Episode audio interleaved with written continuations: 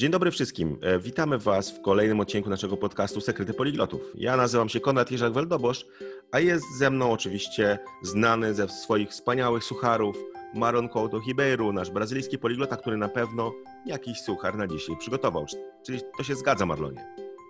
Witam wszystkich serdecznie i przy okazji szczęśliwego nowego roku. Życzę Wam pomyślności, zdrowia i sukcesów w nauce języka w tym roku i rzeczywiście e, sukcesu w całym życiu przez ten cały rok.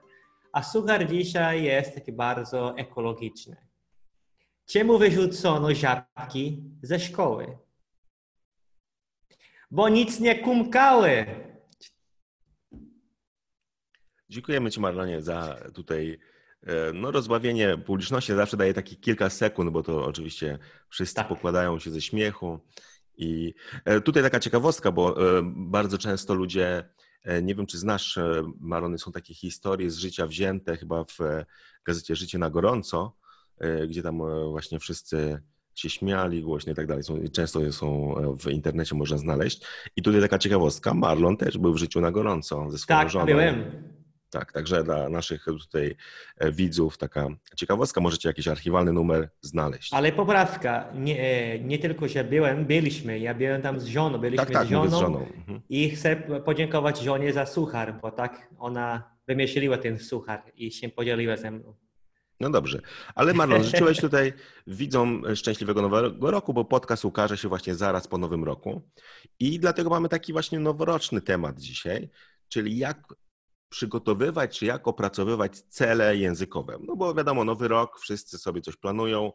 Oczywiście z tych planów najczęściej niewiele wychodzi, ale generalnie często dzieje się dla, tak dlatego, że no, za te cele nie wiemy do końca, jak się zabrać. Prawda? Więc dzisiaj będziemy mówić właśnie o tym, jak podejść do planowania celów, żeby też to nie oszaleć, bo, no, bo nie, nie, chodzi o to, żeby rozpisać sobie 20 różnych zeszytów, kartek, prawda, każdy cel na każdą godzinę praktycznie, no bo to nie zadziała w większości przypadków.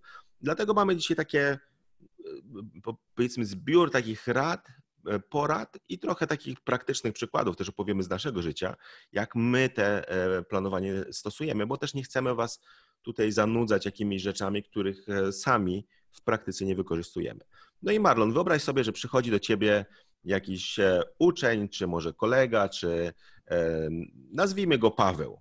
Powiedzmy, e, oczywiście pozdrawiam naszego kolegę poliglotę Pawła, który współpracuje z nami też i prowadzi webinary na kursach dla średnio zaawansowanych, no ale jakiś inny Paweł i mówi Marlon, chciałem się nauczyć języka niemieckiego, ale nie wiem, jak tu zaplanować sobie naukę.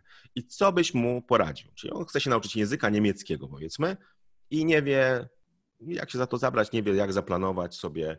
Powiedział, to jest moje postanowienie noworoczne, że w tym roku nauczę się niemieckiego. Co byś mu poradził? No, po pierwsze, ja, ja bym tak zapytał go, czy rzeczywiście mu się należy na tym celu, czyli czy on rzeczywiście, faktycznie chce się nauczyć tego języka. Czemu zadawać sobie to pytanie? Bo jeżeli mamy, według mnie, jeżeli mamy świadomość tego, że my rzeczywiście chcemy, że nam się zależy na, na tym celu, to jesteśmy w stanie się poświęcać e, po to, aby, aby osiągnąć ten cel. Bo nie ukrywajmy, że jak to się uczy języka, jak to się uczy czegokolwiek, trzeba trochę się poświęcać, prawda? Czasami trzeba trochę się ograniczyć, czasami trzeba tymczasowo wyrzekać się z pewnych przyjemności. Zdarza się, to nie chodzi mi o to, że teraz naukę musi się wiązać z cierpieniem, ale e, jak coś wybieramy, to z czegoś zawsze się e, wyrzekamy, czy wyrzeczemy, jak to się odmienia chyba tak. Wyrzekamy, Dobrze. wyrzekamy. Dziękuję, tak jest. Więc to byłoby moje pierwsze pytanie. I potem ja bym porównał zabranie się do nauki niemieckiego do na przykład do uczenia się grania w szachach, prawda? Tutaj właśnie za mną stoi szachownica, bo chciałam właśnie z tego korzystać. Bo tak, jak ktoś chce się nauczyć e, szachów albo grania w szachy, to musi najpierw zdobywać szachownicę, gdzieś tam kupować, prawda? No po drugie trzeba sprawdzić, że wszystkie, wszystkie te pionki są, są w środku, prawda? Bo tak mamy taki zestaw. Okay? Tak samo z nauką. To ta, ten, ten jak, jak to było? Łukasz, jak, tak się nazywał Paweł, ten kolega? Paweł, Paweł, Paweł. Okej, okay, Paweł, no to ten Paweł, Paweł Łukasz. Łukasz no. Paweł Łukasz, tak. Paweł Łukasz to musisz e, znaleźć jakieś narzędzia do nauki tego niemieckiego, czyli podręcznik albo podręczniki, albo nie albo i strony na przykład do, do nauki, jeżeli e, lubi to, na przykład strony internetowe, z których, z których korzystać, ewentualnie aplikacje, więc narzędzie do, do tej nauki. Jeżeli ta, ten Paweł Łukasz podobny jest do mnie, to, to by chciał kupić może zeszyt, zeszyty, długopisy. Ok, to jest właśnie ta, ta, ta druga rada. Po tym, jak już zadaję sobie pytanie, czy musi, zadać na tym celu, czy rzeczywiście chcesz się uczyć tego i dlaczego chcesz się uczyć i jesteś przekonany, że rzeczywiście chcesz, bo bardzo lubisz ten język, bo to daje ci możliwości e, zapoznania się z Niemcami albo z innymi krajami, gdzie po niemiecku się mówi, to może ci e, na przykład pomagać w znalezieniu pracy e, związanej z Niemcami albo no, z, z, ludźmi, którzy mówią po niemiecku, więc e, mógłbyś poznać literaturę niemiecką i czytać w oryginale książki, które są obecne tłumaczone na polski i bardzo by chciał to, to zrobić. No, tylko to są, jest, jest tylko kilka przykładów. To jak jest świadomy tego wszystkiego, to musiałbym potem znaleźć narzędzie E, żeby właśnie się uczyć. Nie? I tutaj o... możemy podpowiedzieć, że tak. odsyłamy do e, jednego z poprzednich podcastów, gdzie dawaliśmy tak. Wam listę takich e, pięciu kroków, które pozwolą Wam tak. wybrać dobre materiały. Także zalinkujemy mhm. tutaj do tego podcastu, żebyście mogli sobie też obejrzeć, jak dokładnie ten krok wykonać. Tak, to kolejny punkt, trzeci punkt, no to ja bym powiedział, e, czekaj, pa, Pawłowi Łukaszowi, że trzeba było sobie pomyśleć, czy ma siłę, czy ma ochotę, czy ma czas, albo czy jesteś w stanie znaleźć ten czas, bo tak naprawdę ma, ma go, ale trzeba go znaleźć. I tutaj się odnosi też do, do jednego z naszych poprzednich podcastów, w którym mówimy o, o tym, jak znaleźć czas na naukę. Warto właśnie sobie oglądać albo posłuchać. I też mnie zapytał, czy ma zasoby, bo tak tutaj nie chodzi tylko o czas, i, i ochoty, czasami trzeba dysponować pieniędzmi. No bo na przykład, jeżeli osoba ma taką potrzebę chodzenia na kursy, są takie osoby, to nie ma żadnego problemu. To zależy od stylu nauki, sam Kuren dobrze o tym mówi, lepiej niż ja. E, to niektórzy potrzebują właśnie chodzenia do grupy, przebywania z innymi ludźmi, którzy się uczą jednocześnie tego języka, potrzebuje ciągłego e, kierowania albo prowadzenia nauczyciela, więc trzeba było też na to zapłacić. Więc trzeba by, trzeba by mieć jasno, czy ma czas, siłę, ochotę, zasoby na naukę tego niemieckiego. To byłoby właśnie moje, uh, moja I, Tutaj, tutaj Marlon, dodałbym to, że e, Często ludzie przychodzą i się pytają, czy jest na przykład jakiś sposób uczenia się języka za darmo, czy trzeba zapłacić, ile, dlaczego na przykład e, niektóre kursy kosztują tyle, inne kosztują tyle. Ja zawsze mówię, że e, my mamy wybór, prawda, że możemy uczyć się samodzielnie i nawet za darmo. Tylko, że problem jest taki, że ciężko to zrobić szybko, jeśli nie mamy doświadczenia. Czyli e, no to trochę jak każdą czynność, prawda? Możesz wszystkiego się nauczyć, ale jeśli będziesz uczyć się metodą prób i błędów, czyli tak jakby tutaj na przykład, nie wiem, wypróbowując materiały te czy inne, no to wtedy to e, zajmie dużo czasu, prawda? Natomiast jeśli znajdziesz, e, nie wiem, dobrego nauczyciela, czy nawet dobry podręcznik i tak dalej, to wszystko będzie szło dużo szybciej, prawda? Czyli najczęściej czas e, pozwala nam, za, e, e, czy pieniądze pozwalają nam zaoszczędzić czas, prawda? Czyli bądź też energię, no bo też mamy do wyboru kilka rzeczy, powiedzmy, i gdy mamy na przykład na, na moim kursie, prawda, jest mnóstwo zdań. Ja wiem, ile czasu zajmuje przygotowanie tych zdań, więc jeśli ktoś chce, może przygotować sobie zdania. Ja tak robię na przykład, gdy się uczę moich języków, prawda? No bo nie mam kursów, które mógłbym e, dostosować do mojej metody, więc ja sam te zdania sobie przygotowuję. Problem jest taki, że to zajmuje sporo czasu, prawda? I e, można to robić i ja często polecam, prawda? I w, chociażby w moim kursie Przełam się i mów, tam też daję metodę taką, którą można pracować w domu. No ale sporo uczniów właśnie mówiło, że e, robią to, ale zajmuje to trochę czasu, prawda? Więc e, szukają też e, takich gotowych rozwiązań, no bo każdy może wybrać co chce, prawda? I, i często gdy ktoś mówi, no na przykład o tutaj są te kursy, one są takie drogie, bo, bo niektóre kursy nawet po kilka tysięcy złotych kosztują, prawda?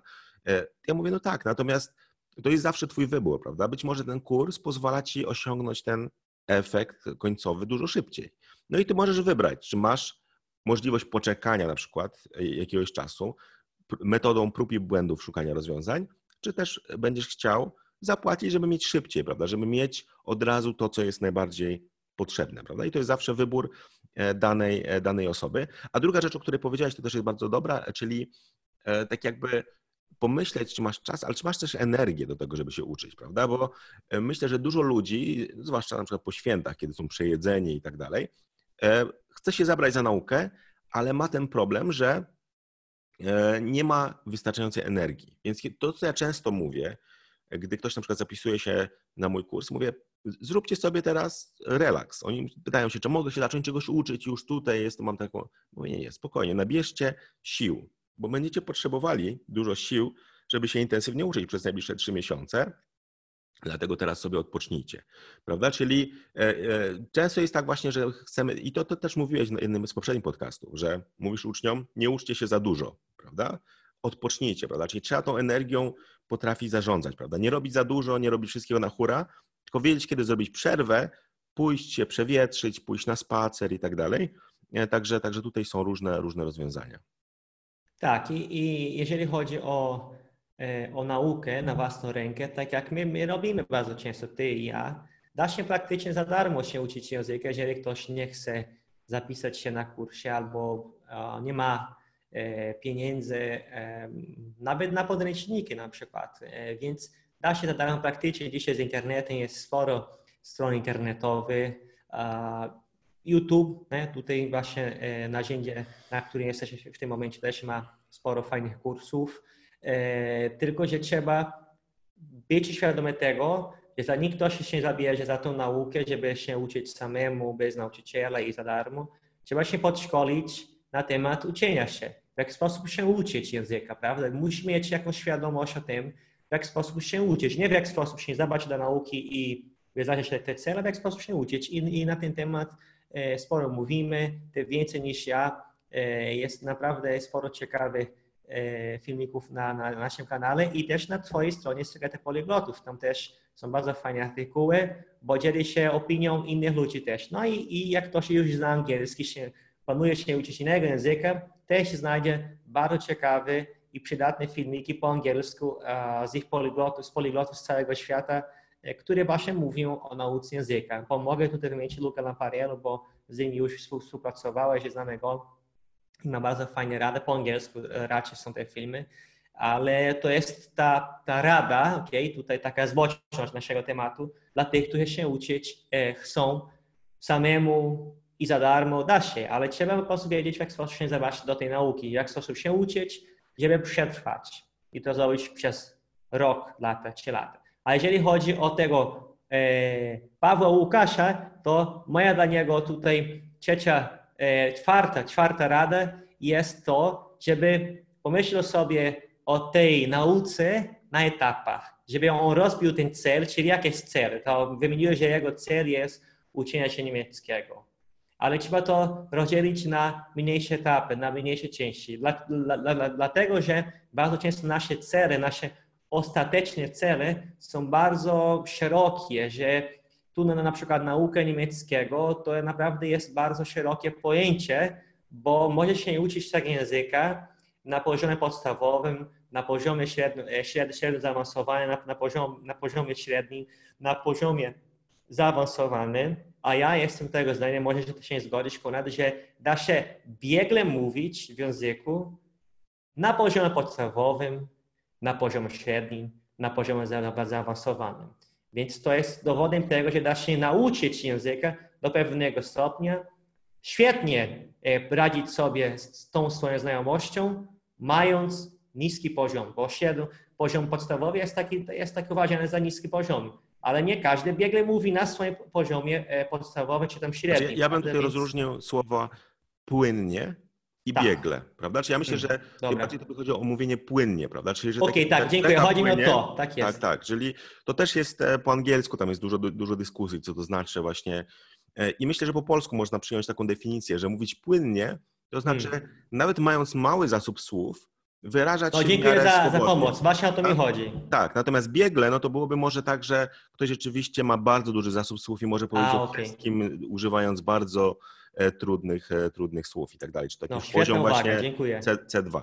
Natomiast e, właśnie mówienie płynnie, no to, to jest jakiś tak. cel, ale też myślę, że czasami ciężko nam jest to określić. Tak jak mówi, że, że właśnie ludzie biorą sobie takie szerokie cele, prawda? Czy nasz ten Paweł Łukasz może pomyśleć sobie, chcę nauczyć się niemieckiego, ale co to oznacza, prawda? Czy musi czytać książki w oryginale? Może tak chce, prawda? Ale może chce tylko czytać książki, a niekoniecznie mówić. Więc ja zawsze też radzę, żeby zastanowić się, jak w każdym z tych obszarów mówienie, pisanie, czytanie, słuchanie, czyli rozumienie ze słuchu, co chcemy osiągnąć, prawda? Czy postawić sobie taki jakiś minimalny cel, który chcemy osiągnąć, który nas usatysfakcjonuje. Ale czasami też takim e, prostszym rozwiązaniem, zwłaszcza jak się uczymy na przykład z jakąś książką czy podręcznikiem, jest postawić sobie po prostu cel, przerobię tę książkę.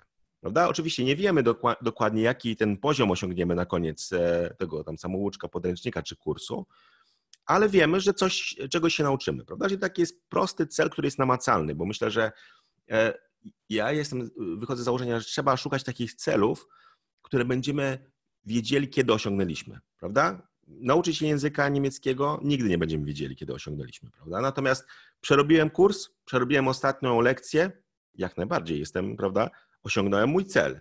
Czy, nie wiem, przeczytać książkę w języku obcym. Przeczytałem książkę w języku obcym, jak najbardziej osiągnąłem mój cel. Także, także myślę, że to w ten sposób można też pewnie, pewnie poradzić, żeby szukać takiego celu, nie właśnie szerokiego, ale takiego, który będziemy jasno widzieli, kiedy go osiągnęliśmy. Tak, ja jak najbardziej się zgadzam. To, to, to o czym mówisz, e, świetnie się wiąże z tą rozbijaniem, z tym rozbijaniem celu na mniejsze etapy, bo tak, ten główny cel uczenia się albo, albo nauczenia, albo nauka niemieckiego da się rozbić na te małe części. Przeczytać kilka stron z książki po niemiecku, albo przeczytać artykuł po niemiecku na temat, który mnie interesuje i go zrozumieć. Albo oglądanie filmiku na, na YouTubie dla uczniów niemieckiego, które trwa powiedzmy 5 minut i go zrozumieć do końca, albo, albo jak nie całość, połowę. Nie? A więc to tak da się naprawdę zawsze i trzeba zawsze rozbić nasze główne cele na mniejsze części, bo trzeba e, zmierzyć w jakiś sposób. Musimy mieć e, jakiś punkt odniesienia, e, dzięki któremu wiemy, że osiągnęliśmy i co osiągnęliśmy, ile procentów mniej więcej osiągnęliśmy tego naszego głównego, ostat, ostat, ostat, e, ostat, ostatecznego celu. Okay? I piąta rada jest taka, że e, też powinniśmy wiedzieć, albo uważać raczej ten cel za atrakcyjny, czyli musimy, powinniśmy wiedzieć, jakie korzyści ten cel może nam przynieść, prawda? Bo jeżeli nie jest to atrakcyjne, jeżeli nie wiemy, bo nie jesteśmy świadomi, jakie korzyści będziemy mieli z osiągnięcia tego celu, trochę tracimy motywację po drodze i potem pomyślimy, ale nie ma sensu. Jaki jest sens nie? E, właśnie w tym, co ja robię? Nie? Po co ja wstaję teraz o 5 rano, żeby się uczyć przed pracą, bo to jest ten moment, kiedy mam czas. Jest sens, jeżeli my jesteśmy podekscytowani, E, tym celem, jeżeli na samą myśl osiągnięcia tego celu naprawdę czujemy się świetni, tak po prostu e, w takim zapale, jakbyśmy, jakbyśmy byli zakochani, to naprawdę pokazuje, że warto pracować, no, no tak, ale... nawet ślęczyć na, nad podręcznikami, jeżeli trzeba, do osiągnięcia tego celu, więc trzeba być świadomy tego. Nie? No tak, ale tak często mamy ludzi, którzy muszą się nauczyć języka, nie? Oni nie mają takiego zapału, oni nie są zakochani, nie? Czy to jest takie bardziej, ja bym powiedział, aranżowane małżeństwo, prawda? Że e, ktoś im kazał tego języka się nauczyć, bo też życie wrzuciło ich w jakąś sytuację, która wymaga znajomości tego języka. I to nie jest tak, że właśnie, tak jak często jest z angielskim, prawda? Ludzie uczą się angielskiego nie dlatego, że pałają jakąś miłością do tego języka. Rzadko kiedy mamy ludzi, którzy rzeczywiście mówią, że o, zakochałem się w języku angielskim, bo tak ładnie brzmi, podoba mi się. Raczej to jest tak, że uczą się go w szkole, muszą się go nauczyć do pracy i tak dalej. Podobnie jest z innymi językami, tak jak niemiecki często jest właśnie językiem, którego się uczymy w szkole i może na przykład ten nasz Paweł Łukasz musi się uczyć do matury i niekoniecznie będzie budził się rano i myślał, chciałbym odmienić sobie jakiś tam czasownik, prawda, w, we wszystkich czasach, bo to jest moja, moja pasja. Czyli co byś mu wtedy poradził? Czyli takiej osoby, no. która no, jest zmuszona trochę życiowo do tego, żeby się języka nauczyć. Po pierwsze, pamiętajmy, że językami władają ludzie, tak jak ty, ja, każdy z nas. Więc to moja pierwsza rada jest, jest taka, bo są takie osoby, tak jak ja, którzy lubią kontakty, nie boją się za bardzo zaczepiać nieznajomych. Po prostu znalezienie partnera językowego, znalezienie osoby, z którym już trochę po, pociwczyłeś tego, e, ten język. Więc to jest pierwsza rzecz, żebyś był świadomy tego, że pomimo tego, że nie lubisz tego języka, są fajni ludzie naprawdę, są ciekawi ludzie, którzy mówią w tym języku, którzy mają ten język jako język ojczysty, czasami tylko ten język znają, więc to, to jest moja pierwsza rada, żebyś był świadomy, tak jak ten Łukasz Paweł, który, Paweł Łukasz przekręcił. Ale, ale Marlon, czy to nie jest też trochę ryzykowne? Bo ty chciałeś się nauczyć węgierskiego i zobacz, jak to się skończyło. no, to prawda, to jest ryzykowne. Wiecie, jeżeli ktoś ma już żony, ma dziewczynę albo, albo dziewczyna ma chłopaka, męża, to bym proponował, aby znaleźć sobie osoby no, samej płci, na przykład e, przyjaciółki, przyjaciele, żeby to było mniej ryzykowne.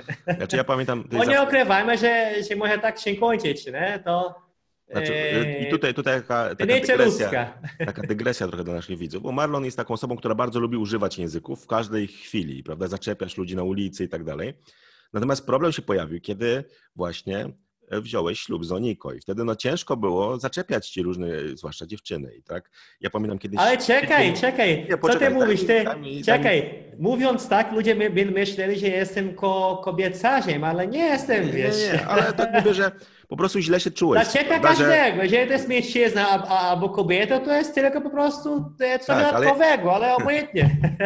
Ale pamiętam kiedyś taką sytuację, że siedzimy właśnie z Oniko i ty gdzieś tam poszedłeś, byliśmy na, w jakiejś restauracji chyba i wyszedłeś i mówisz, o, spotkałem taką dziewczynę z Chin, ale Oniko, nie przejmuj się, nie przejmuj. Ja z nią rozmawiałem tylko o tym, jak, jaka jesteś wspaniała, jaką mam cudowną żonę i tak dalej. Także to też jest takie wyjście, prawda, że jak ktoś ma już e, rozmawiać z osobą innej płci i nie chce tutaj się bardzo angażować, to może rozmawiać właśnie o, tutaj tak jak Marlon, o swojej żonie na przykład. Nie? I to od razu jest, e, e, ustawia całą rozmowę w konkretnych, że tutaj zależy mi nie tylko na tym, żeby ćwiczyć język, e, tutaj chiński akurat, prawda, ale, ale tak jest. Czyli, czyli radziłbyś też, żeby może spojrzeć trochę na język właśnie i myślę, że to też jest często tak, że ludzie gubią się w tej nauce języków, bo za bardzo traktują to jako taki szkolny temat, że czego się muszą uczyć. Zapominają o tym, że ten język otwiera wiele drzwi do poznania tak. ludzi, do poznania kultury, do poznania różnych ciekawych, e, ciekawych rzeczy, prawda? I to są takie drobiazgi, ale które czasami robią gdzieś różnicę, prawda? Czyli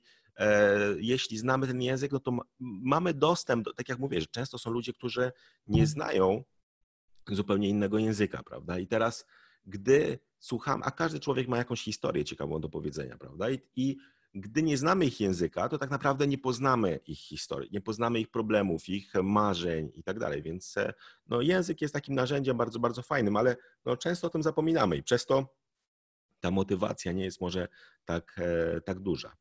No ale co, co jeszcze? Czy masz jakieś, jakieś rady dla tego Pawła Łukasza? Jak tutaj zmotywować trochę tak, e, znaczy jak zakochać się w tym języku może, prawda? Żeby... Tak, tak. Jeżeli, jeżeli ta osoba musi się uczyć języka, musi, bo ma zgórnie zrzucony, a, e, rzucony na, na siebie e, taki obowiązek, to tak oprócz mm, zaprzyjaźnienia się albo, albo poznawania po prostu ludzi, którzy badają tym językiem, ja bym też powiedział, że warto połączyć ten język, którego nauka na razie nie jest przyjemna, bo muszę tak robić, tak, tak jak w tym przykładzie, no ta osoba mogłaby połączyć ten język z czymś, co lubi ze swoim zainteresowaniem. Powiedzmy, ponownie tutaj szachy, że ten Paweł Łukasz lubi szachy, gra w szachach. Nie? To mógłby spróbować e, obejrzeć filmiki, e, gdzie grają, albo nawet gdzie tłumaczy, jak się gra w szachy, mimo tego, że już umie, żeby połączył właśnie ten, e, ten język, naukę tego języka ze swoim zainteresowaniem, na przykład.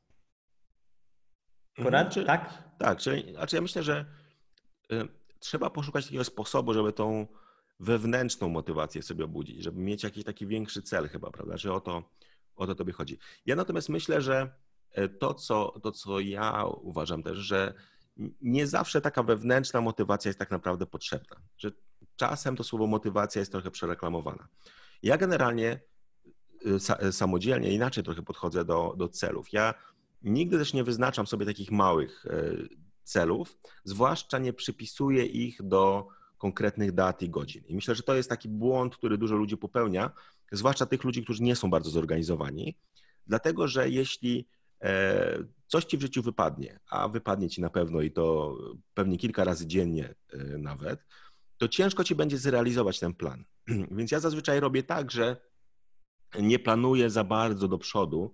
Lubię na przykład pomyśleć o takich ogólnych projektach, prawda, że mam jakiś ogólny plan, czyli weźmy tego Pawła Łukasza, e, gdyby on przyszedł do mnie, ja bym poradził mu, wybierz sobie właśnie jakiś kurs czy jakiś podręcznik i postaw sobie za cel, że go przerobisz, prawda? Czyli to jest taka prosta rzecz, która e, on będzie wiedział, kiedy mu to się udało e, i taki jest taki, taka jeszcze taka dodatkowy, taki bonus. Nawet jak on przerobi połowę tego podręcznika, to i tak się czegoś nauczy, prawda? Ważne, żeby wiedzieć mniej więcej, w którą stronę zmierzamy. Nie musimy konkretnie wiedzieć, czyli tak jakby jak planujemy sobie wyjazd, to nie musimy wiedzieć, że ok, ja muszę pojechać tam, nie wiem, do Paryża i o godzinie 9.51 będę pod wieżą Eiffla, o 9 tam e, powiedzmy, nie wiem, o 10.38 będę. Nie, nie, to jest za dużo, prawda? Natomiast możemy sobie powiedzieć, ok, pojadę do Paryża, zobaczę to, to i to, prawda? I później, zależnie od tego, jak ta sytuacja się będzie gdzieś tam układała, możemy dopasować swoje e, zadania i plany. I ja, ja mówię tak, czyli weź sobie duży cel, a następnie Y, opracuj, jaki będzie ten następny krok. Ja o tym następnym kroku dużo mówię, prawda? Natomiast to jest trochę zbieżne z tym, co Marlon mówiłeś o tych e, powiedzmy małych celach, prawda? Czyli e, ja bym powiedział tak, żebyś wiedział zawsze, co masz robić, kiedy będziesz mieć okazję nauki. I szukaj tej okazji codziennie, prawda? Czyli to, to jest coś, e, jak ja podchodzę, prawda? Czyli opracuj sobie jakąś metodę działania i wtedy łatwiej ci będzie do tego celu takiego dużego dążyć, prawda? Czyli nie musisz sobie rozpisywać e, i tak dalej, bo to, bo to najczęściej się nie sprawdza. I właśnie do osiągnięcia tego, o, o czym Koran mówi, zachęcam do oglądania poprzednich odcinków, zachęcam do przeczytania artykułów na stronie Sekretu Poliglotów i zachęcam do poszukiwania też informacji o nauce języków e, w innych kanałach i nawet po angielsku, jeżeli już umiesz, żebyś mógł właśnie mieć e, naprawdę praktycznie perfekcyjna perfekcyjną metodę do siebie mhm. przygotowana pod kątem Twoich potrzeb. I jeżeli chodzi jeszcze raz o szachy, to dam tu ten nasz przykład ponownie. Powiedzmy, że ten e, Paweł Łukasz, e, kiedy zaczął się uczyć właśnie grania w szachach, to po tym jak zdobył szachownicę, to musiał się nauczyć ruchów pionków. Jest kilka tych pionków, prawda? Jest tam e, goniec i hetman i król i tak dalej. Więc musi się uczyć, w jaki sposób każdy się porusza na szachownicy, ale pojedynczo. Nie, nie uczy się na raz o hetmanie, o, o, o królu, bo tak by oszalał. Tak samo z językami, tak samo o, z tymi celami, że, że rozbijesz na mniejsze kawałki. Potem jak się uczy i już zapamiętuje, doskonale umie e, wytłumaczyć i pokazać, w sposób każdy pionek się porusza, musi się uczyć połączeń, bo można atakować połączeniu i tak się robi na, w szachach. To nie jest tak, że tylko tam goniec idzie i atakuje. Nie, nie, to musisz połączyć te, te pionki, dlatego jest ich kilka, żebyś połączył dwa, trzy, czyli on, on uczy się tych połączeń, jak sposób ich połączyć. Nie? Też musi się uczyć, jak zacząć, jak, jak się zaczyna ta partia. Potem, jak się odgrywa tak, tak zwaną środkową e, część partii. Potem musi się uczyć, jak kończyć tą partię też musi się uczyć, jak atakować, jak się bronić, bo podczas, podczas ataku też przeciwnik go atakuje. Nie? Więc musi tego wszystkiego się uczyć, ale po kawałkach. Potem to wszystko połączy. A rzeczywiście usiądzie z kimś, zagra, to on się uczy te części. I podczas tej nauki on odgrywa samemu na, na szachownicy. E, tak pokazują te różne książki, e, które uczą właśnie e, grania w szachach. Pokazują tam zawsze tak śmiesznie, jest szachownica i tylko 3-4 pionków, nie? żeby oni pokazali, w jaki sposób się atakuje, się broni, się robi tu połączenie i tak dalej. Więc nawet jeżeli chodzi o szachy, to przy okazji pamiętam, że moja żona Niku przetłumaczyła dwa podręczniki, dwie książki właśnie na temat grania w szachach z węgierskiego na polski i to było dla dla dzieci. I ona też miała, ona jest Pol, Węgierką, nie Polką, więc ona też miała e, wyznaczyć sobie cele, w jaki sposób ona to zrobi. No, ona musiała też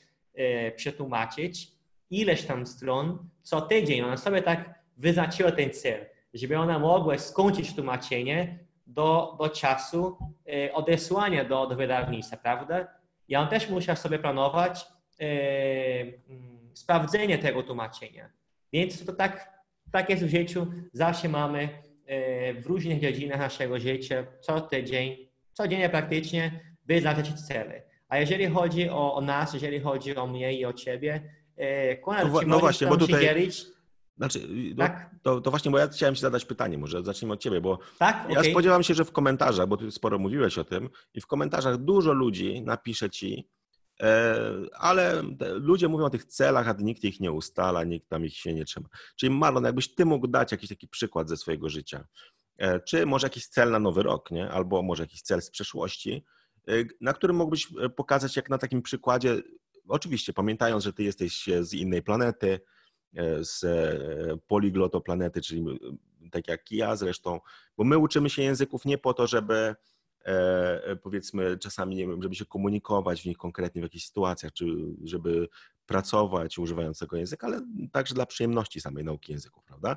Natomiast jakbyś dał jakiś taki przykład właśnie, jak, jak ty z tymi językami miałeś, czy jakiś taki przykład takiego celu językowego, a później tak jak ty mówiłeś, może ja też opowiem o, o tym, jakie ja tak, mam plany tak, i tak, tak dalej.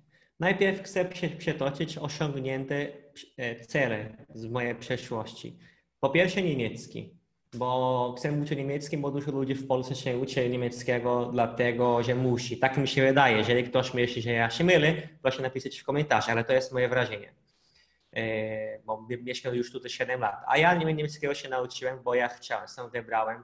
Miałem kolegę w szkole, już opowiadał tę historię. On miał dziadków z Niemiec i tak dalej, więc E, przez pół roku mniej więcej się, się uczyłem na podstawie podręcznika takiego starego, który zapożyczyłem od niego. Więc się uczyłem przez pół roku, bo na, na początku miałem jako cel e, przeprowadzenie krótkiej rozmowy z babcią albo z jego dziadkiem, albo, no, albo z babcią, albo z dziadkiem. Z, z dwoma na raz to byłoby bardzo trudno.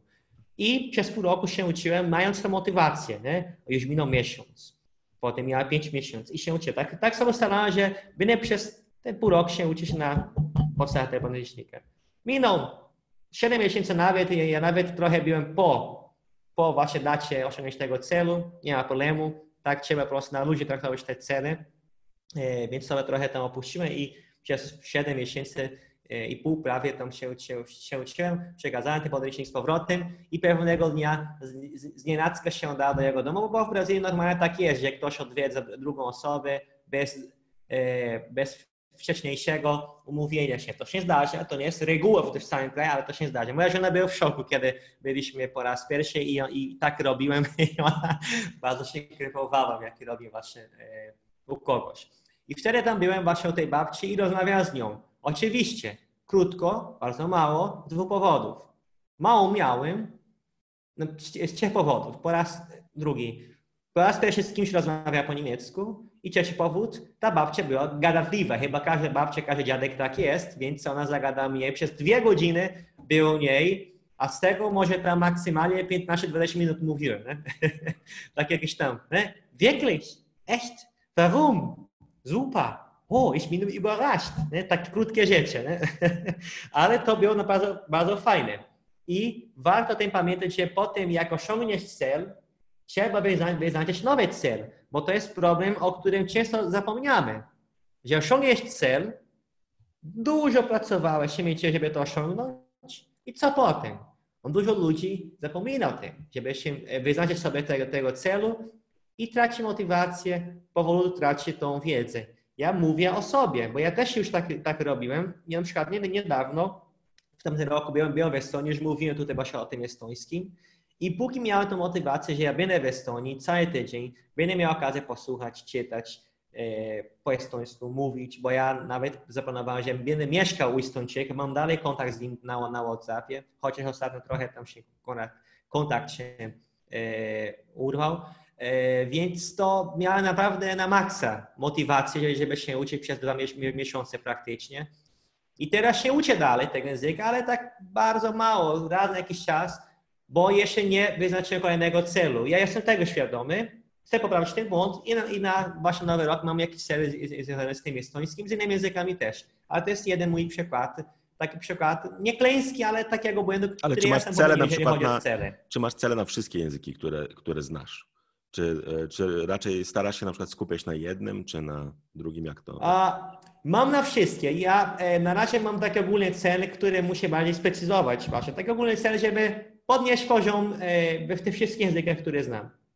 E, to, to, to, to jest mój, e, mój pierwszy cel na, na nowy rok. Ale jest mi obojętnie, e, ile mi się uda podnieść ten poziom, bo tutaj wiemy, że tych wszystkich języków my uczymy się bardziej dla siebie, dla zabawy, niż dla potrzeby. Wiadomo, jeżeli chodzi o mnie, pewna grupa języków jest dla mnie witalna, witalnie potrzebna.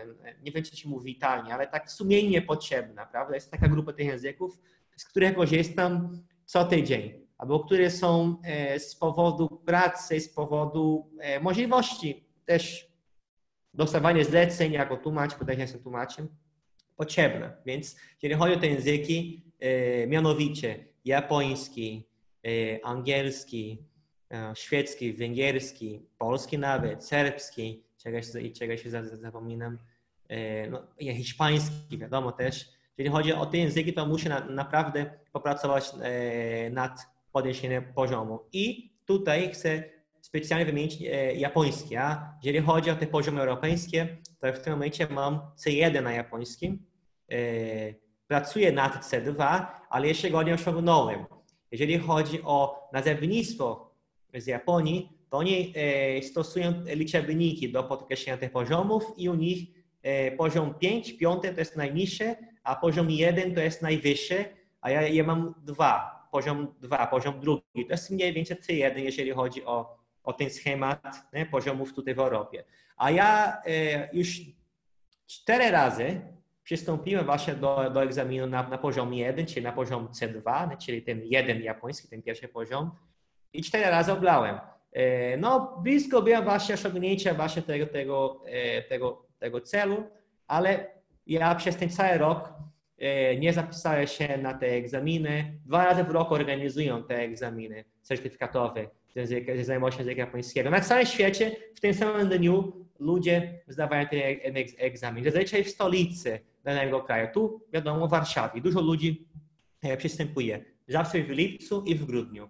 I przez jakiś czas miałem nawet taką tradycję, że raz albo dwa razy w roku przystąp, e, przystępowano do tych egzaminów i zdawałem sobie dla przyjemności, ale trochę przestałem, ale jak chcę na nowy rok właśnie w grudniu nie, przystąpić do egzaminu na C2, czyli na ten poziom jeden japoński i zdać go po mieście. Bo już cztery razy próbowałem, będzie teraz piąty raz i myślę, że teraz mi się uda. Więc przez cały rok muszę na tym popracować, żeby ten cel osiągnąć.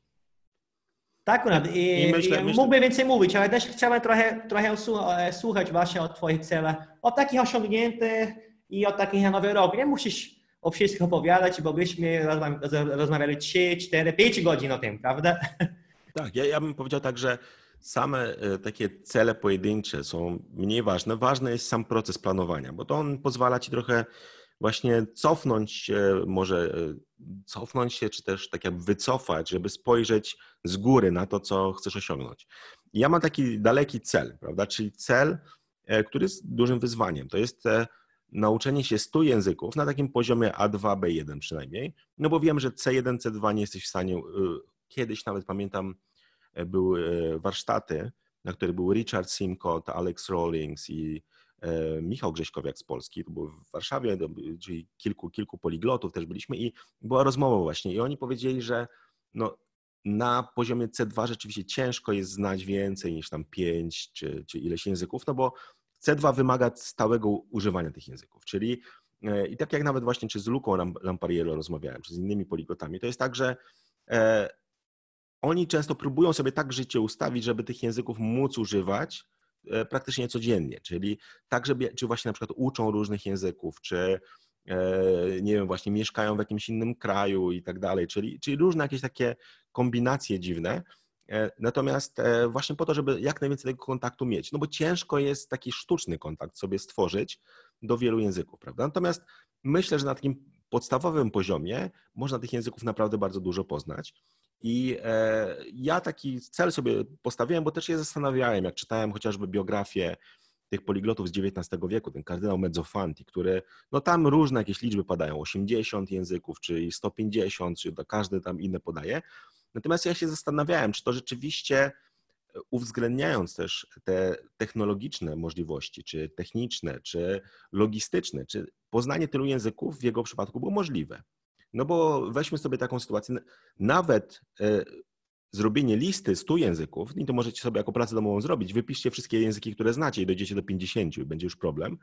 Natomiast e, ten kardynał, pytanie, jak on te języki właśnie e, w ogóle zidentyfikował, prawda? No bo wiadomo, że wtedy no też nie miał możliwości podróżowania. Wiele języków było zupełnie niepoznanych jeszcze, a już nie było do nich zupełnie materiałów, prawda? Czyli jeśli weźmiemy tylko te języki europejskie, to tak naprawdę nasza lista to już jest tam 30-40 pewnie. No można ewentualnie jakieś dialekty brać pod uwagę i tak dalej, ale, no ale to było trudne. No to jest jedna rzecz, to było tak jakby zrobić taką listę, natomiast druga to, to jest rzeczywiście nauczyć się ich na dobrym poziomie. Prawda? Niektórzy tam mówią, że mówi świetnie i tak dalej. Ja myślę, że dużo w tym było takiej uprzejmości, która wydaje mi się, że w tamtych czasach, jeśli ktoś potrafił mówić w innym języku takim rzadkim, no to czasami tak, tak no ludzie od razu mówią, że, że jesteś, e, że umiesz świetnie, prawda? Ja, ja to wiem z praktyki, bo jak byłem chociażby w Indiach, w Chennai, w, e, czyli dawne miasto Madras, prawda, na południu Indii, tam gdzie mówi się po tamilsku, gdzie ja próbowałem tego mojego połamanego tamilskiego, no to oczywiście e, ci moi znajomi wszyscy byli w, w ogóle w jakiejś ekscytacji, prawda? Jeden nawet napisał o mnie wiersz, tam pamiętam, było w pracy spotkanie, tam do 200 osób, on wyszedł i zaczął czytać wiersz po tamilsku. No i tam były dwa kluczowe, dwie kluczowe rzeczy. Znaczy, ten wiersz tłumacząc na polski był taki, że Konrad przyjechał do Indii e, e, i przywiózł czekoladki i otworzył nas, nasze serca. I Konrad uczy się tamilskiego. Język tamilski zdobywa cały świat. No to tak mniej więcej ten wiersz brzmiał. E, natomiast oni, jak się do mnie mówili, mówili zawsze, że ja mówię biegle, że mówię świetnie, że wszystko potrafię.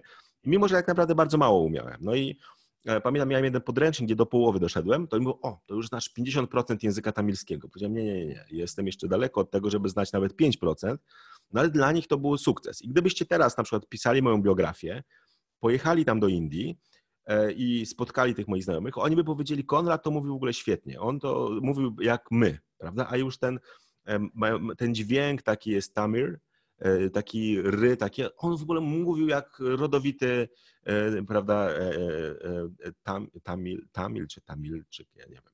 Natomiast, no tak było czasem, prawda? Natomiast to, co mnie ciekawi, to jest właśnie, czy są jakieś ograniczenia dla mózgu, bo często się mówi właśnie, że mózg nie ma ograniczeń tak naprawdę.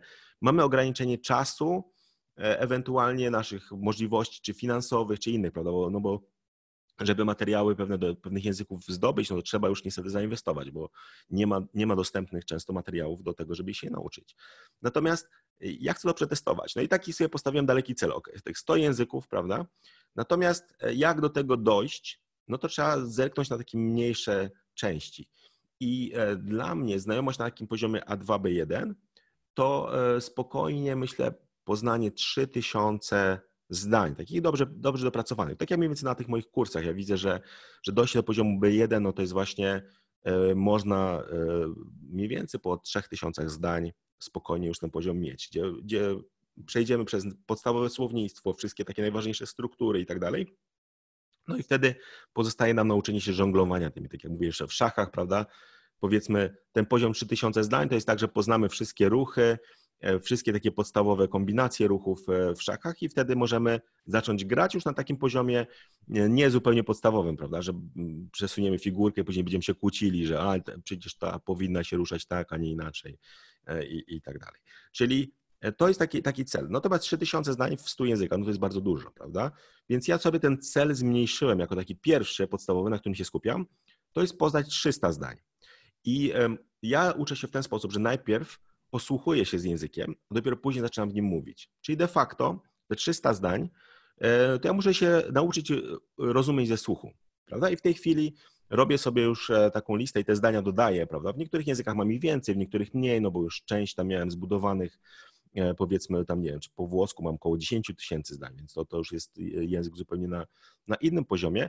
Ale dla takich podstawowych języków, takich nowych powiedzmy, no to jest te 300 zdań, prawda? I tam są języki typu albański, czy e, teraz na przykład sanskryt i łacina bardzo mi się podobają, bo też chcę się nauczyć mówić i, i rozumieć tych językach i trochę moja żona się wkurza, bo ona nienawidziła sanskrytu, bo oczywiście w Indiach w szkole sanskryt e, tam jest nauczany i oni, ona tak, to ciekawe jest, jak zaczęła się uczyć polskiego, to mówi, ten polski jest zupełnie jak sanskryt. Dlaczego te odmiany? Ja to myślałam, że już nigdy sanskrytu nie będę się uczyć, a tutaj się muszę nauczyć polskiego, który jest dokładnie taki sam.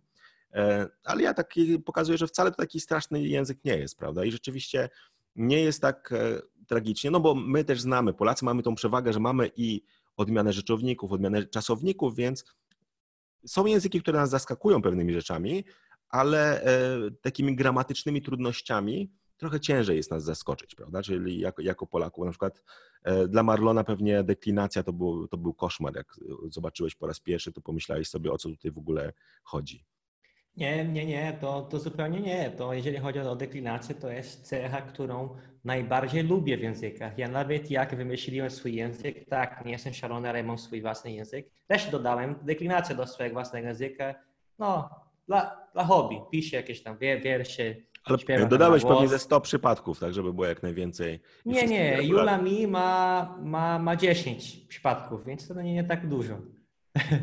Więcej no niż tak. polski.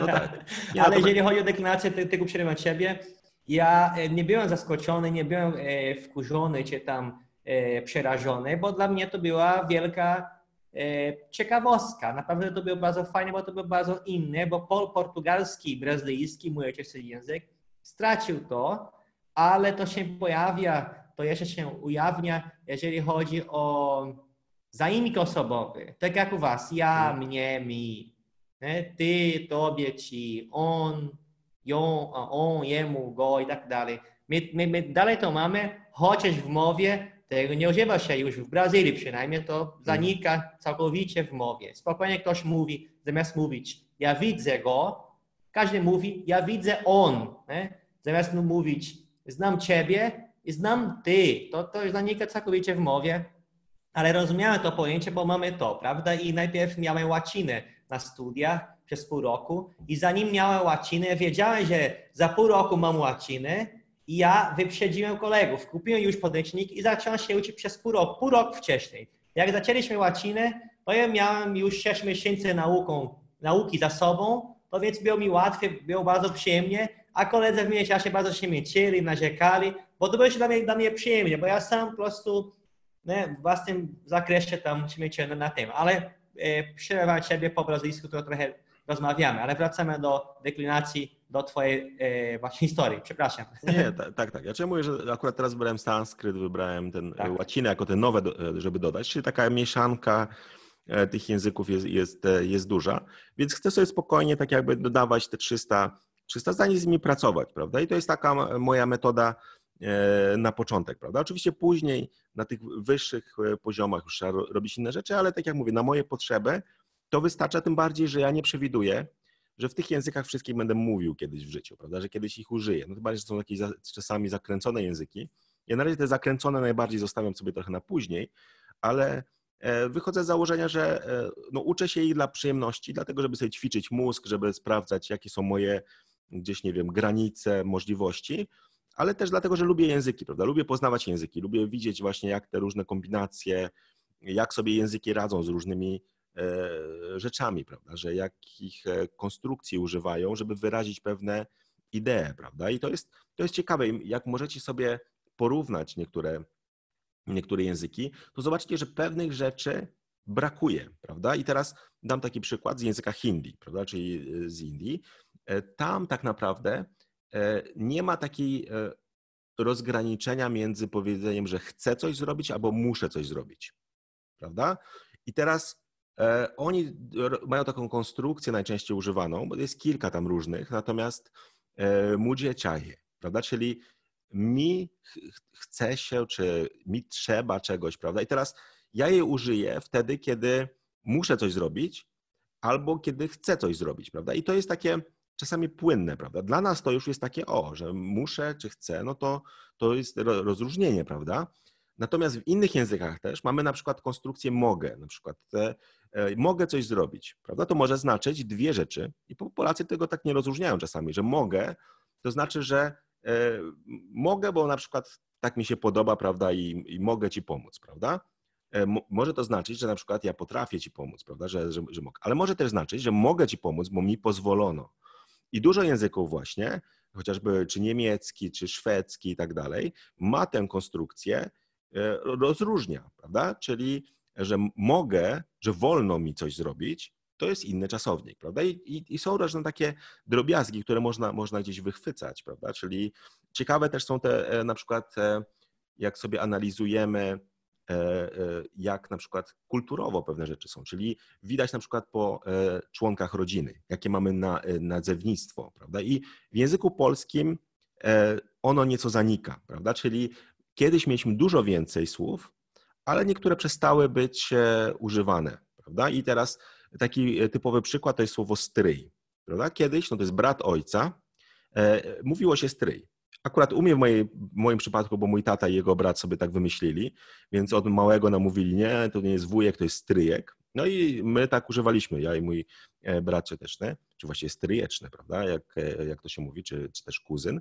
Natomiast to jest taka bardziej e, mojego taty i mojego właśnie stryjka, powiedzmy, idea taka, którą sobie gdzieś tam wymyślili.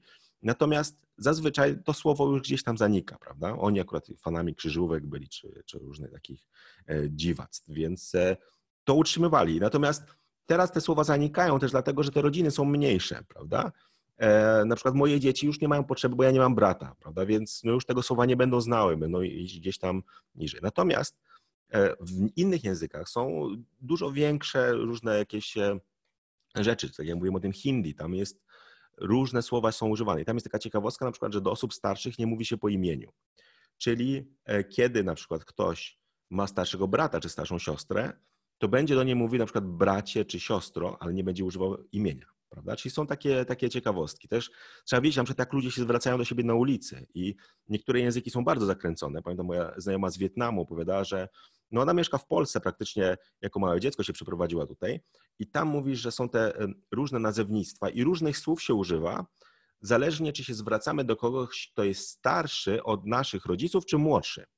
I teraz ona mówi, że jak przychodzi jakiś gość, to ja muszę iść do moich rodziców i zapytać, czy on jest od was starszy, czy młodszy, żebym ja użyła poprawnego słowa, nazywając tę osobę. Prawda? Czyli jest mnóstwo jakichś takich ciekawostek, gdzie można cały praktycznie podcast nagrać, nagrać o tym. I, I, to jest taka moja motywacja, prawda, żeby poznawać te rzeczy, prawda, żeby się dowiadywać jak najwięcej o językach, o tym, jak ludzie czasami niektóre rzeczy gdzieś tam sobie w głowie, w głowie układają. Czyli tak jak Maron mówiłeś o tych motywacjach takich, no one mogą być różne, prawda? Może być to jakaś taka zewnętrzna, że ktoś nas e, e, powiedzmy, nie wiem, zmusił do nauki języka, ale ja myślę, że ja i ty mamy taką powiedzmy motywację poznawczą, że chcemy poznać jakiś język, i mimo, że często ludzie mówią, po co ty się uczysz tego w ogóle i jaki masz w tym cel, prawda? I no moja żona tak mi mówi o tym sanskrycie, kiedy ja tam włączam jakieś nagrania i ona mówi, ja nie chcę tego słuchać, przypomina mi się to najgorsze ze szkoły czasy, chociaż okazuje się, że sporo pamięta, więc to też jest ciekawe. Natomiast, e, e, natomiast no ja tutaj e, jestem zaciekawiony tym językiem, tym bardziej, że na przykład sanskryt bardzo przypomina języki słowiańskie i to jest, e, to jest też taka ciekawostka, że czasami niektóre słowa są bardziej podobne do e, języka e, polskiego czy, czy innych. Na przykład mamy słowo e, polskie brat, prawda? W języku hindi to jest bhai. Natomiast w języku, w sanskrycie to jest bratr. A po czesku jest bratr też, także, także to jest, widać, że no gdzieś te, te powiązania są bardzo, bardzo, bardzo duże i nawet większe, prawda? Brother, prawda, po angielsku i tak dalej. Mamy też w tych innych językach e, tej samej rodziny, ale tutaj ten sanskryt jest taki bliższy, prawda? Czyli czasami jest dużo takich ciekawostek e, różnych. Czyli tak jakby wracając do moich celów, ja sobie patrzę taki daleki cel, prawda, żeby wiedzieć, w którą stronę ja chcę iść, ale skupiam się na takich mniejszych, prawda? Czyli właśnie tak jak mówiłeś, Marlon, żeby podzielić sobie, czy ja sobie wybrałem, ok, 300 zdań w danym języku. Czy ja muszę te zdania znaleźć? Oczywiście to jest wyzwanie, żeby znaleźć jakieś materiały, prawda? Czasami są darmowe, czasami ich nie ma więc no różnie to jest zawsze te poszukiwania. Później staram się te zdania, prawda, słuchać, starać się rozumieć, prawda, z nimi pracować. I tutaj mam, e, pracuję na co dzień właśnie z aplikacją do powtórek, Anki, której mam, mam powiedzmy tych e, języków, tam już wszystkie 100 wprowadzonych, natomiast nie do wszystkich jeszcze mam oczywiście e, te zdania, które sobie powtarzam. Także, także tutaj to, e, to w, ten spo, w ten sposób działa. No i rzeczywiście tych powtórek jest czasami po kilkaset w ciągu dnia, ale to jest, to jest, to jest fajne, że z, z każdym tych języków mam taki krótki kontakt, nawet przez te kilka zdań mogę sobie coś przypomnieć, mogę zobaczyć, jak dużo pamiętam, więc jest to, jest to ciekawe. Natomiast też, jeśli, no, jeśli się pojawiają jakieś okazje, żeby języka użyć, no ja różnie podchodzę. Ja nie jestem taki y, szalony jak Marlon, który tam ludzi zaczepia na ulicy. Ja raczej bardziej podchodzę do używania języków na zasadzie takiej, e, czy rzeczywiście ma to sens, czy też nie. I jestem tak, że jak się przyzwyczajam z kimś mówić w jakimś języku, to raczej w tym języku mówię, prawda? Więc e, ciężko jest mi zmienić, bo czuję się dziwnie, prawda? Nie, nie wiem, czy też tak macie, jak będziecie na przykład próbowali z kimś ze swojej rodziny, czy ze znajomymi mówić po angielsku, czy w jakimś innym języku, też pewnie możecie się dziwnie czuć, prawda? No ja właśnie raczej unikam takich, e, takich sytuacji.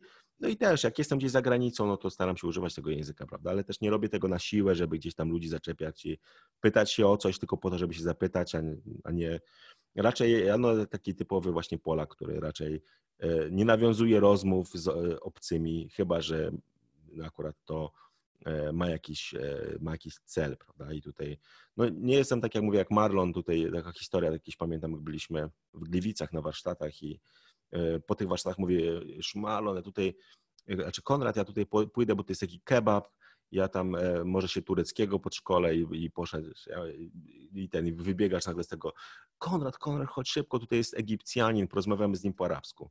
No i możecie sobie wyobrazić zdziwienie biednego Egipcjanina pracującego w e, gliwickim e, sklepie z kebabami, gdzie przychodzi Brazylijczyk, który mówi takim językiem właśnie arabskim, ale ty mówiłeś tą fuschą, prawda, czyli tym takim E, literackim, powiedzmy tym arabskim. Natomiast ja przyszedłem i mówiłem w tym dialekcie egipskim, więc on w ogóle już nie wiedział, co się dzieje, prawda? Tamtego dnia chyba, e, chyba nie mógł już sprzedawać więcej kebabów, bo był w olbrzymim szoku.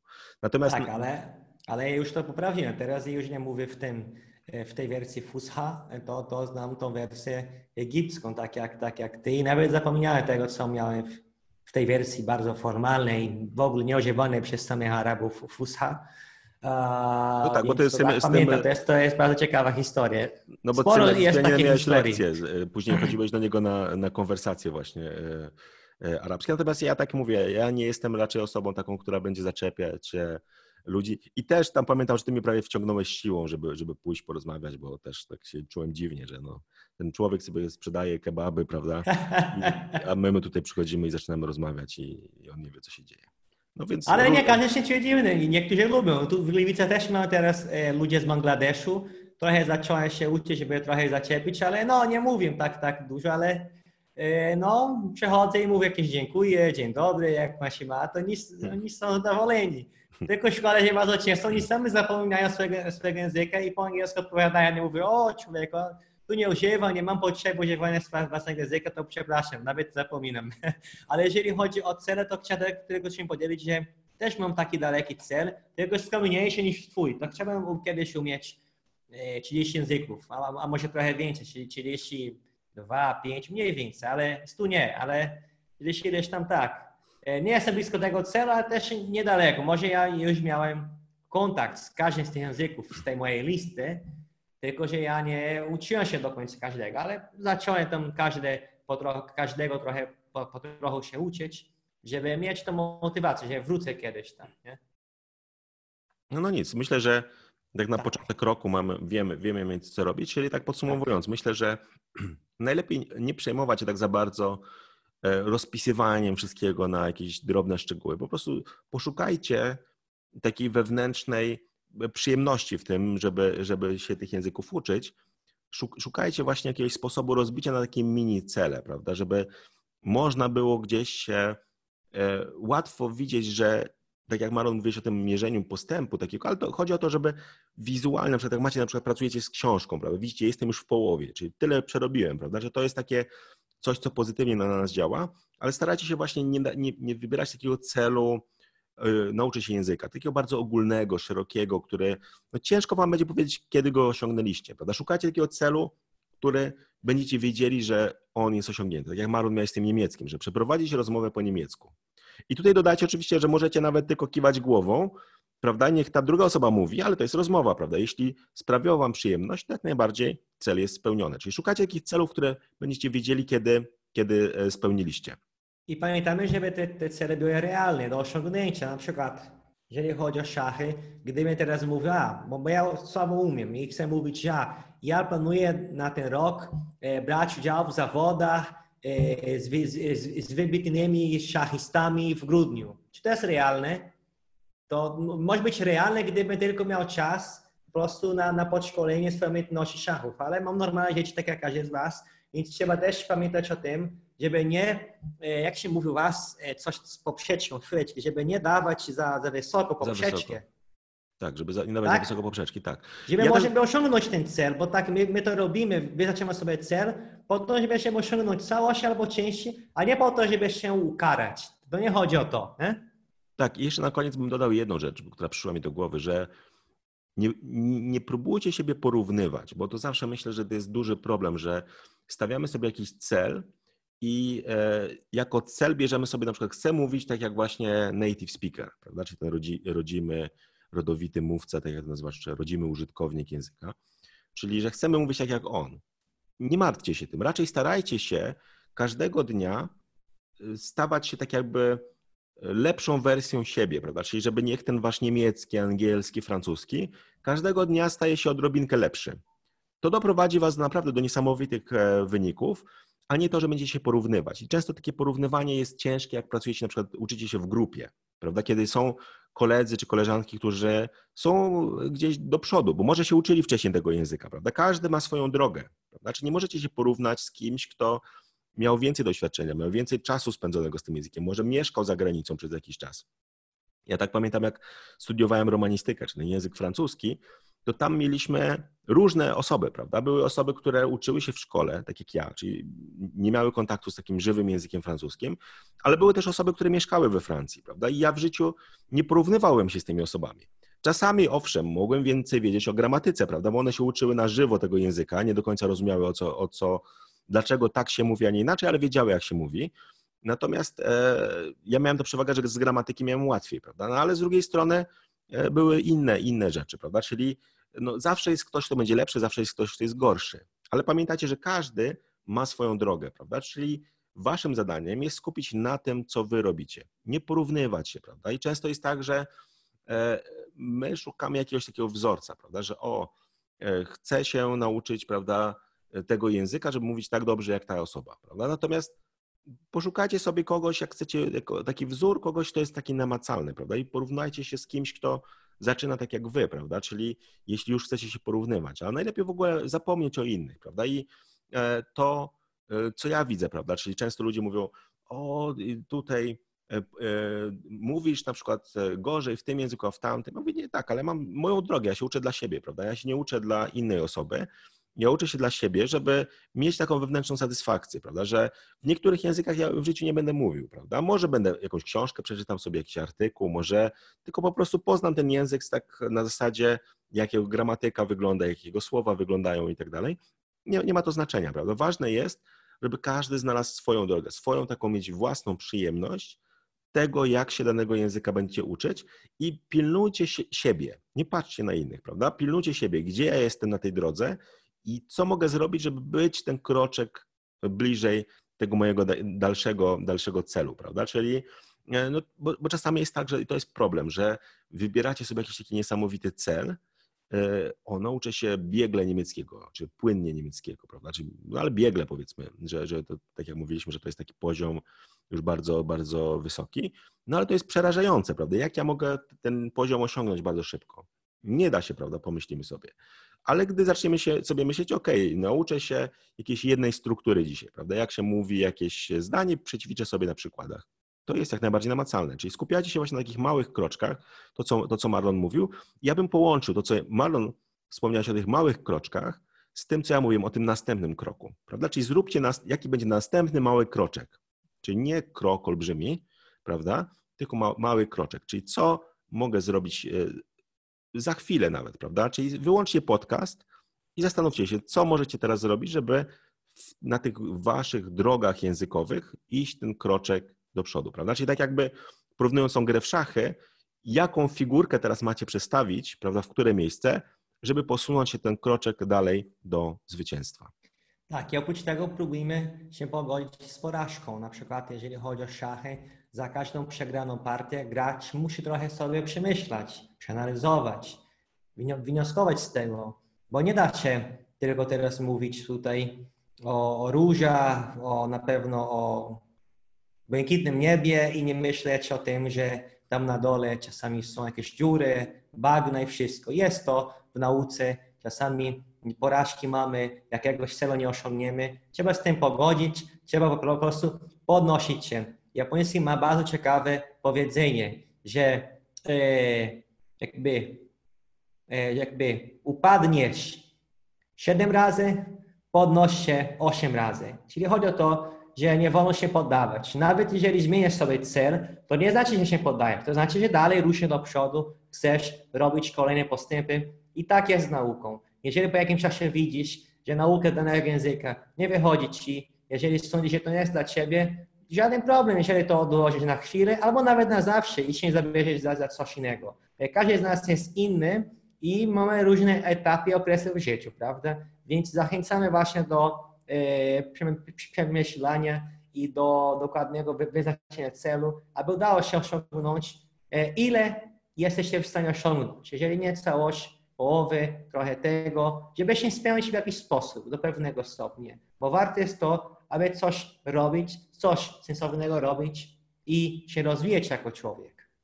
Tak, i myślę, że tak na koniec już sam dla naszych widzów takie specjalne małe zadanie, może trochę przekornie. Nie e, chcemy, żebyście na przykład napisali w komentarzu, jaki macie cel na następny rok, bo to nie jest ważne. Ważne, myślę, i bardziej kluczowe jest to, jaki następny mały kroczek wykonacie, który przybliży Was do tego celu. Czyli napiszcie w komentarzach e, właśnie, jaki kolejny mały kroczek wykonacie, nawet po skończeniu słuchania tego podcastu, żeby, który przybliży Was do tego celu. I starajcie się wykonywać ten mały kroczek codziennie. Zobaczycie efekty. Pod koniec e, roku będą, będą naprawdę wspaniałe. Także zapraszamy Was też do subskrybowania naszego podcastu, do słuchania co piątek o godzinie 17 nowy odcinek Sekretów Poliglotów. Ja nazywam się Konrad Jerzak Weldobosz, a był z nami też oczywiście Marlon Kołtu Hibeiru, który już pewnie myśli nad jakimś sucharem na kolejny podcast, którego posłuchacie za tydzień. Także pozdrawiamy Was serdecznie i życzymy Wam oczywiście sukcesów w nauce języków. Dziękuję Wam, dziękujemy Wam wszystkim. Do widzenia. Do usłyszenia.